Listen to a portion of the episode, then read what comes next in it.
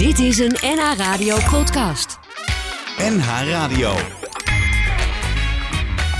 Waarheen, waarvoor? Koop Geersing. In Waarheen Waarvoor op NH Radio heb ik altijd een gast met een verhaal over leven en dood. En vandaag is dat Connie Koppen uit Maartensdijk.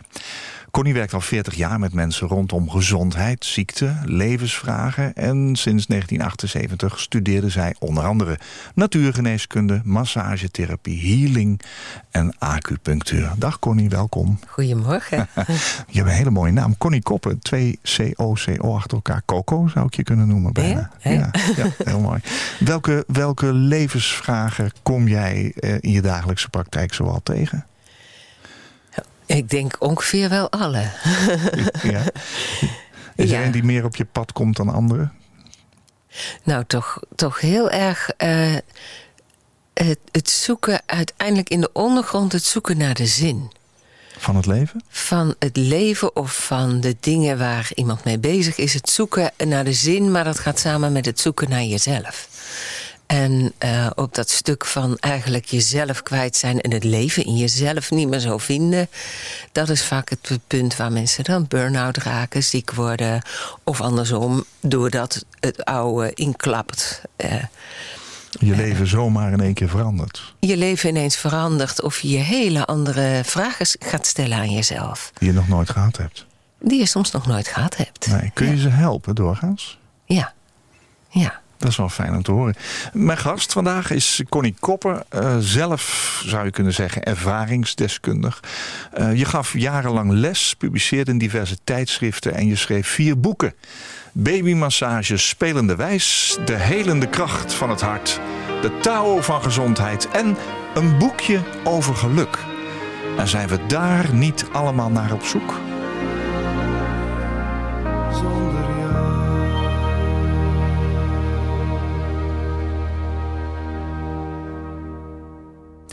Connie Kopper is vandaag mijn gast in deze aflevering van Waarheen Waarvoor. Connie, jij schreef eh, vier boeken, heb ik net gezegd. En dat boekje over geluk, dat laatste. Waarom heb je dat geschreven? Ik heb het geschreven om eh, eigenlijk als een relatiegeschenk. Omdat ik het vaak. Weet je, iedereen heeft alles al aan materie. En eh, dan hebben, eh, hebben mensen een jaar voor een bedrijf gewerkt, bijvoorbeeld, en dan krijgen ze een code en dan mogen ze iets uitzoeken op internet. En ik vind dat zo'n armoe. Ik denk dan, geef dan zoiets waar. eh, waar iets in staat waar je echt wat aan hebt. Wat ook ten goede komt aan de relaties tussen mensen. Maar, en schrijf daar een persoonlijke boodschap in. Ja. Dan, heb je, dan geef je iets van waarde. Wat, wat een andere waarde heeft dan alleen maar de, de fysieke waarde, zal ik maar zeggen. Van Je krijgt, je krijgt een boekje, maar het gaat over geluk. Ja. En, en geluk is zo'n universeel begrip. En zijn we daar niet allemaal naar op zoek? Ja. Staat het antwoord daarin?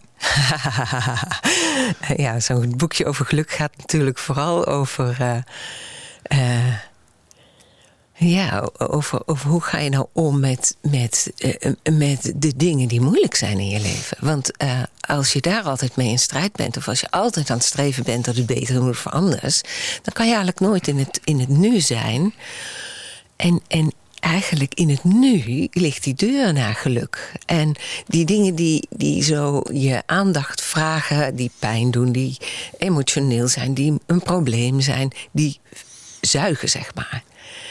En naast dat is er ook altijd iets waar je dankbaar voor kan zijn. Waar je je kan openen. Voor, eh, En, en dat dankbare, als je, als je ergens dankbaar voor kan zijn... dat is als het ware een poort die je opent. Oké. En het is een poort die je opent voor geluk. En ehm, eh, niet dankbaar zijn voor het een... zodat je dat ander een beetje eronder duwt. Maar het is het en-en Ja. wat, eh, wat eh, ehm, ja, een, een deur opent. Ja, je hoort wel eens zeggen, ehm, probeer iedere dag vijf dingen te verzinnen waar je dankbaar voor kunt zijn. Iedere dag vijf andere dingen. Ja, En eh, dat helpt hè, in dat geluk. dat helpt. Ja, Ja. ja. Nou ben jij, heb ik al gezegd, een ervaringsdeskundige. Je, je hebt heel veel met het thema leven en dood. Hè. In, in ieder geval de dood van jouw jongste broertje Peter. En dat blijkt dan deze maand precies 50 jaar geleden 50 te zijn. jaar geleden, In juni ja. 1969. Heeft heel veel impact gehad op je leven. En je bent er een boek over aan het schrijven. Wat gebeurde er precies in juni 1969? Ehm, mijn broertje was zes. Mijn jongste broertje. Ik Hoe oud was jij toen? Ik was negen. Nou ja, En wij waren gewoon samen aan het spelen in de tuin. En, eh, hij kondigde aan dat hij, eh, dat hij eh, een maskertje wilde laten zien aan de juf van school. Dat had hij net op een feestje gemaakt. En hij is er vandoor gegaan eigenlijk zonder dat ik hem echt kon tegenhouden. En ik, ehm, nou, ik, ik, ik hoor hem nog wegfietsen. En dan is er een tijdje in mijn herinnering even niks. En ik ben gewoon binnen en mijn ouders komen binnen. De schuifdeuren van de tuin gaan open en zij komen binnen. En met hun komt iets verschrikkelijks binnen. En als kind, dat voel je overal. Je voelt dat er iets niet goed is. En dat beeld van hoe ze binnenkwamen, nou, dat vergeet ik nooit meer aan. Uiteindelijk komt dan het hoge woord eruit dat Peter dood is. Hij blijkt doodgereden door een eh, man, een, een, een dronken automobilist. Die man is doorgereden. Die man eh, woonde in het dorp. Nou ja, die eh, heeft nog een kaartje gestuurd met... nou heb je een engeltje in de hemel. Nou, als ik het nu nog uitspreek, dan krijg ik buikpijn. ja. Ehm, ja, en dan klapt van het ene op het andere moment... is de vertrouwde bedding als kind... gewoon het, zoals het altijd zou zijn, is weg. het zorgeloze, het, het gelukkige, het samen zijn. Ja, het, het met een moeder die niks liever... voor wie de kinderen het belangrijkste waren wat er was. En eh, die moeder eh, is er fysiek nog wel, maar emotioneel, ja. En je vader? En mijn vader... eh, ja, zij gingen op een andere manier om met hun verdriet. Je hebt, je hebt zeg maar een, een, een, een- Mijn vader ging daar eh, al snel wat rationeler mee om. Van ja, het is gebeurd en we moeten verder. En er moet brood op de plank. En nou ja, dat heeft ook zijn voordelen, zeg maar. Ja. Maar mijn moeder, ja, dit was zo'n shock. Ze was jong. Was, ja, dit was onverteerbaar. Ja. ja. Eh, die had eigenlijk mijn vader nodig eh, ehm, om naast haar te staan. Maar dat gebeurde niet. En hij stond op een andere manier naast Ja. haar dan. Zij vanuit haar shock en verdriet nodig had. Dat, ja. dat heeft zich ook geuit in het vervolg, heb ik begrepen. Want eh, eh, jij was negen en jij wilde hem zien. Hè? Je broertje was eh Ja. verongelukt. Hij was Ja. een overleden in de ambulance, begrijp ik. En je wilde afscheid van hem nemen en, en je vader was er tegen. Hoe ging dat dan? Nou ja, mijn vader die vond dat dat te erg was en dat je, dat, dat je kinderen daartegen moest beschermen.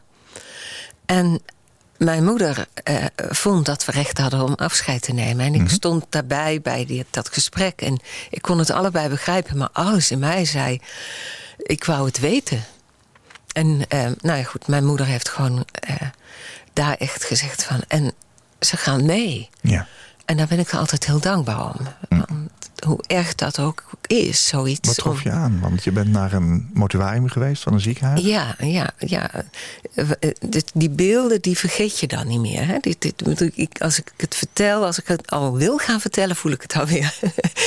Dit, het, het, in mijn herinnering is dat een donkere, kille gang in zo'n ziekenhuis... waar je dan doorheen liep, verpleger of iemand voorop... en mijn ouders erachteraan en dan kwamen mijn broertje en ik. En er waren allemaal van die zwarte gordijntjes. En ja, dan loop je daar als kind en dan denk je, jeetje, zouden hier allemaal dode mensen en kinderen liggen? En dan durf je dat niet te vragen, want ja, de, de sfeer is zo geladen. Ja. Dus op een gegeven moment gaat dan zo'n eh, stoppen we en dan gaat het gordijntje open. En dan zie je daar je broertje liggen. ja.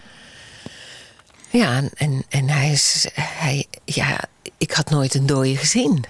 En eh, de eerste dooi die ik zag was mijn broertje. En, ja. nou ja, het raakt me niet. eh, Het raakt me als ik het weer vertel. Dan ik. voel Ja. ik het in mijn buik. Ja, ja. en dan. eh, En toch wilde je dat als kind. Heeft het je ook geholpen? het heeft mij gigantisch geholpen. Waarom? Ik heb letterlijk gezien en gevoeld wat de dood is. En, en, en dat heeft mij geholpen om, eh, om het te verwerken. Ja, ik denk, ik denk dat als ik dat niet gevoeld en gezien had, dat het altijd een. een, een eh, ergens in mijn geest iets had kunnen blijven wat niet waar is. Ik denk dat mensen dat ook hebben eh, die geen afscheid hebben kunnen nemen, omdat iemand vermist is en nooit gevonden. Ja, en hij is nog steeds in je gedachten, hè? Peter. Ehm, hij hoort bij ons leven. Ja. En mede ook dat hij zo bij ons leven is blijven horen... omdat mijn moeder het, uh, ja, daar altijd het opengebroken heeft. Want in die tijd sprak je daar niet over. In die tijd was er ook geen zorg. Dat was 1969. Daar was geen zorg. Daar was nog een beetje de cultuur van... heb het er maar niet over. Sterk zijn, flink zijn en je gaat door... en je moet er toch zijn voor je kinderen. En er was geen zorg. En mijn moeder liet het daar niet bij, want die, die stikte in de verdriet. Ja. Deelde die dat met jullie? Ze deelde het met ons en ze deelde het ook met anderen. Ja, en dat is eigenlijk heel goed geweest. Ja, en ze, ze vocht ervoor dat mijn vader er ook aandacht voor had. Ook als hij er een oordeel over had. Ja. En ik heb daar natuurlijk last van gehad, maar ik ben zo trots op haar. Ja. Want ik leer, ik heb nu begrepen hoe belangrijk dat is.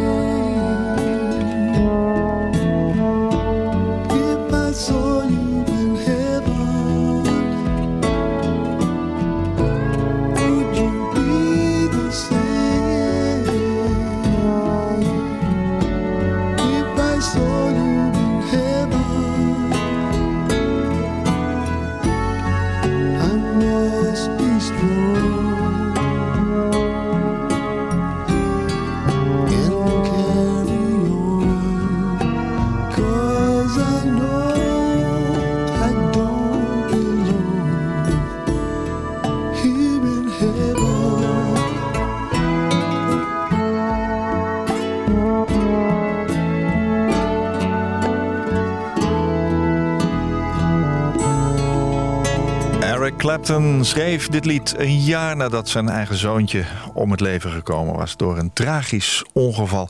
Jij hebt het op je top 3 staan tenminste van dit Ja. moment eh, Ja. van liedjes die jij wel op je eigen uitvaart zou willen laten Ja. horen. Waarom dit liedje? Ja, ik kan bijna, ik hoef bijna niet te vragen, denk ik. hè? Nee, nee, dat, spreekt, spreekt een beetje voor zich. Ja. Ja, Ja. ja. Dit heeft natuurlijk alles met, met eh, Peter te maken. wat heeft alles met. Peter te maken. En, eh, Connie Kopper vandaag, mijn gast. Zij verloor 50 jaar geleden haar jongere broertje, drie jaar jongere broertje, die dus altijd maar zes jaar blijft. ja. ja, in je gevoel blijft hij altijd zes. Ja, dat is waar. Je vertelde me dat je zonder deze confronterende ervaring de realiteit niet zou kunnen bevatten. De realiteit onder ogen zien, eigenlijk heel letterlijk. De dood aanraken. Dan pas kun je loslaten. Ja. Hoe werkt dat? Hoe werkt dat? Ja. Ja, voor mij was dat echt. Ik, ik herinner me nog dat ik zijn lichaam aanraakte en dat het dat koude, levenloze lichaam, dat is een voor mij als meisje van negen, dat was een enorme shock. Je letterlijk je eerste aanraking met de dood.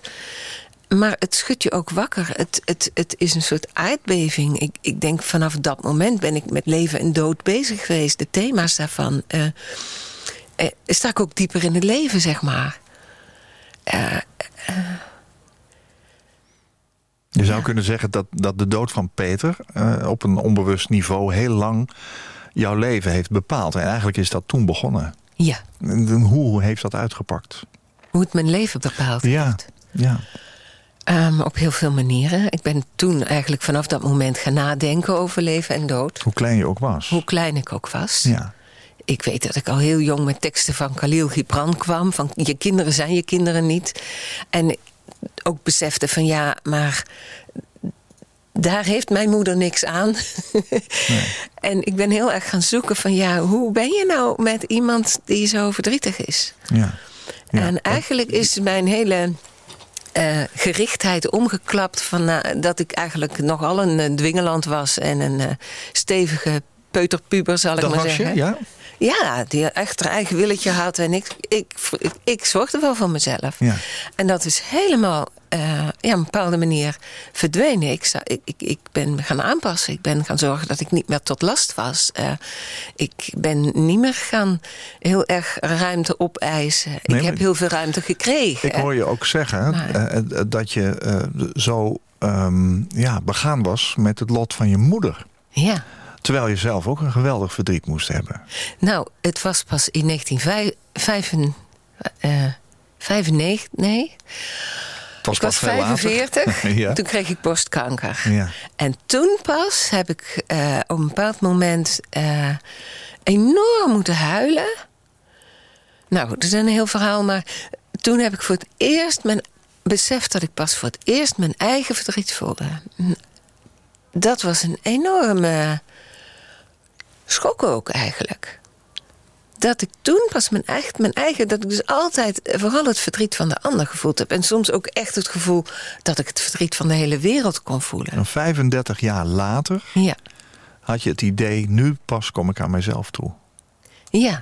En omdat, het- omdat de dood voor mij om de hoek luurde. loerde. Ja, ja, ja. Ja. Die kwam dichtbij. Hoe is het daarmee gegaan?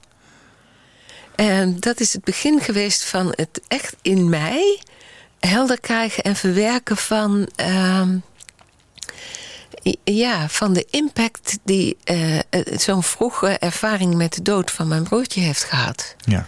En met name het ongezonde aspect wat dat heeft gebracht. Namelijk dat ik ehm, mezelf eh, ja, toch best wel ben gaan Wegcijferen? eh, wegcijferen, opofferen. Maar ik had dat niet zo door. Want ik was een heel gelukkige puber, zeg maar. Ja. Ik heb heel, heel gelukkige jeugd gehad ook. Ja, ja maar, maar je hebt me ook verteld dat ehm, terugkijkend dus op hè, het niet goed zorgen voor jezelf... misschien wel de grondoorzaak is geweest van eh, de borstkanker. Ja, ja. Want ehm, eh, ik was me niet meer zo bewust van mijn eigen verlangen en behoeften. Een deel van je eigen gevoel, als er zo'n drama gebeurt als kind, Ehm, dat is te groot om, eh, om, om te verwerken in één keer. En je gerichtheid gaat automatisch op, uh, in mijn geval mijn ouders, want je bent afhankelijk van hun. Dus het moet met hun goed gaan. Dat is een soort oerding ik noem het nu symbiotische liefde. Uh, van van de, de, liefde van een kind die voor de ouders moet zorgen en wil zorgen, omdat ze ook afhankelijk van hun is. En in die vorm van liefde uh, um, raak je de liefde naar jezelf of het. Uh, um, het echt goed voelen van wat jij nodig hebt kwijt. Want daar ben je niet meer op gericht. Nee, en dat heeft zich lichamelijk vertaald in de klachten die je toen kreeg. Nou ja, het heeft, het heeft zich in de loop van mijn leven vertaald dat uh, als mensen in nood waren, dat dat altijd belangrijker was. Of dat ging vanzelf voor. En ik had dat niet eens door. Nee. Maar ik gaf daarin veel meer dan goed was voor mij. Ja. En ik bouwde heel erg op mijn creativiteit. En ik had altijd heel sterk in mezelf van nou, als het met jou maar goed gaat, ik red me wel. Oh ja. En ik kwam altijd overal uit. Want ik heb, een, ik heb zo'n watervlugge geest. En um, ik kom altijd wel overal uit. Het was mijn eerste herinnering als kind. Dat mijn moeder echt terecht, want ik was heel vervelend, boos was en het me had gewaarschuwd. En toen ben ik in de kast beland met de bezem en de stofzuiger. en toen heb ik bedacht, als ik nou ga zingen. En net hoe ik het leuk vind, dan haalt ze me eruit. Dus dat was mijn eerste herinnering. Heel creatieve gedachte. En dat was een triomf. Ja. Was dat ook zo trouwens? Dat was zo, ze heeft me eruit gehaald. over, over zingen gesproken, uh, jij, hebt, jij zingt nog steeds. We hebben straks een liedje in die top 3 voor jou. Wat je zelf gezongen hebt. Wat je afgelopen week uh, vastgelegd Speciaal voor vandaag. Dus nog een uh, primeur. We gaan even naar die liedjes. Uh, zometeen pakken we ook even dit onderwerp weer op. Um, jouw tweede liedje is ook een heel bijzonder liedje. Is een, een, een Joodse mevrouw die in New York woont. Waarom heb jij gekozen voor het liedje wat we zo dadelijk gaan horen? Het heet Return Again. Um, vanaf dat ik dat liedje hoorde, zingt dat heel vaak door mij heen. Mm -hmm. Um, het loopt zo mooi, het raakt mijn hart. Um, and return to the land of your soul, zingt ze eigenlijk. Um, en uh, dat, voor mij is dat iets dat is de uitnodiging als je overlijdt... dat je teruggaat naar dat waar, waar je ergens vandaan komt. Hoe je dat ook wil zien of noemen. Maar voor mij is het ook iets wat in je leven al gebeurt. Dat het eigenlijk door veel momenten van een spreekwoordelijke dood, zeg maar... dat je de oude manier van denken en doen moet loslaten... door de, dat wat het leven je aanreikt, vaak door crisis. Um, maar dat je daar zoveel dichter bij jezelf komt. Steeds meer, uh, ja, the land of your soul...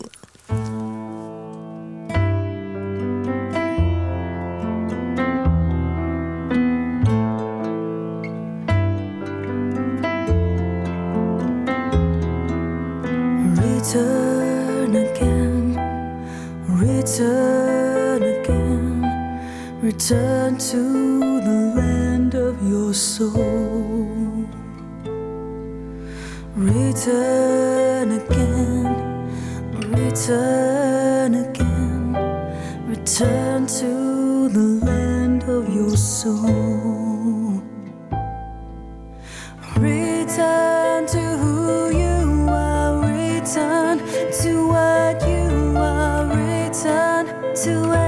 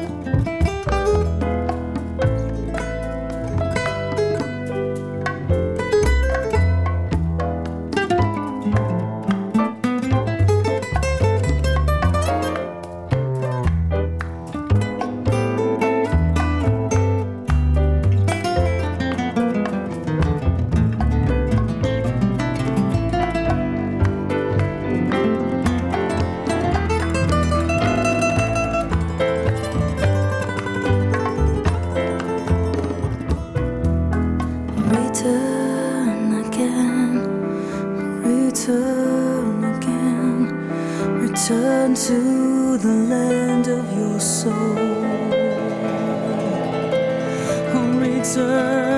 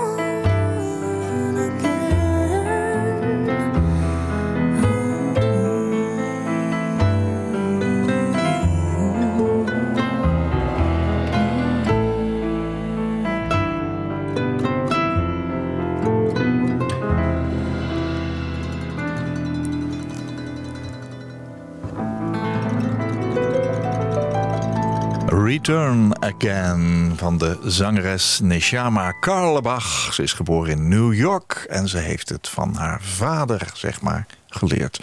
Dat is toch mooi, hè? Return Again. Terug weer naar the land of your soul, zei je zo mooi. Ja. Ben jij weer terug bij the land of your soul inmiddels? Ja, en ik, met het luisteren naar het liedje dacht ik ook nog van ja, Reborn Again. Ja. Was, Ja. was het moment, want je vertelde voor het liedje... dat je toen je ongeveer 45 jaar werd eh, borstkanker kreeg. Ja. Is dat inmiddels weer eh, genezen? Of is het weg? Of is het schoon, zoals dat Ja, heet? dat is, daar ben ik ook niet meer bang voor eigenlijk. Hoe bedoel je? Dat ja. dat terugkomt? Of? Ehm, ik heb in die periode van de borstkanker eigenlijk alle lagen onderzocht. Van waar, hoe kan dit? Ik heb natuurgeneeskunde gestudeerd. Ik ben met gezondheid bezig. Ik leef helemaal niet ongezond. Wat is er? Wat heb ik over het hoofd ge- gezien? Wat heb ik gemist? En Wel- wat heb je gemist? nou ja, dat ging dus eigenlijk over de impact van dat verlies. Ja. En hoe dat eigenlijk op een ongezonde manier in mijn persoonlijkheid. ehm, eh, een te grote dienstbaarheid naar de ander. En dus eigenlijk een grote disbalans heeft gegeven tussen. eh, er zijn voor de ander en er zijn voor jezelf. En ik, omdat ik ook heel veel vrijheid heb gehad om helemaal mijn eigen pad te gaan en veel leuke dingen, heb ik dat aanvankelijk niet doorgehad. En door mijn karakter en mijn positiviteit heb ik dat eerst gewoon niet doorgehad. Maar het zat er wel dus. Maar het zat er wel. En toen ik kanker had, heb ik het aangekeken. Het een na het ander na het ander. En als je dingen echt wil aankijken, tenminste zo gaat het voor mij, dan komt dat ook. Ja. Hoe heb je dat al gedaan? Had je daar hulp bij? Eh, ja, ik zit natuurlijk in die therapiewereld. En ik heb heel veel geweldige collega's, vriendinnen en vrienden. En ik heb er toch altijd wel mensen waar ik terecht kan. Dus dat is een ontzettende luxe. Dat heb je ook opgezocht. Dat heb ik ook opgezocht. maar ik denk had. voor mij de belangrijkste hulp zit toch binnenin. En dat is iets wat ik als tiener al ontdekt heb. Dan had ik gesprekjes met de vader. En de vader stond voor het, het, de universele liefde, eh, de universele wijsheid. Dat wat altijd ergens in mij, om mij en bij mij is.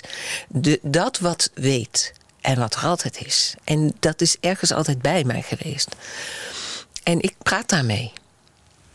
En als ik echt met een, met een vraag zit, dan, dan. Als kind begon ik met danken. Met, met bedanken voor wat, wat er ook was. En dat heeft me altijd als kind al heel veel geholpen. Eh, en dan uiteindelijk mijn dingetje. En dat ging ik schrijven. En tot het het echt uitkristalliseert in een vraag. Ja. En du moment dat de echte vraag helder is, dan woef, is het antwoord daar.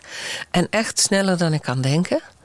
Dan schrijf ik het op en ik kan heel snel typen inmiddels. Ja. En als ik het teruglees, dan denk ik, wow. En dan moet ik het echt nog heel vaak lezen. Ja.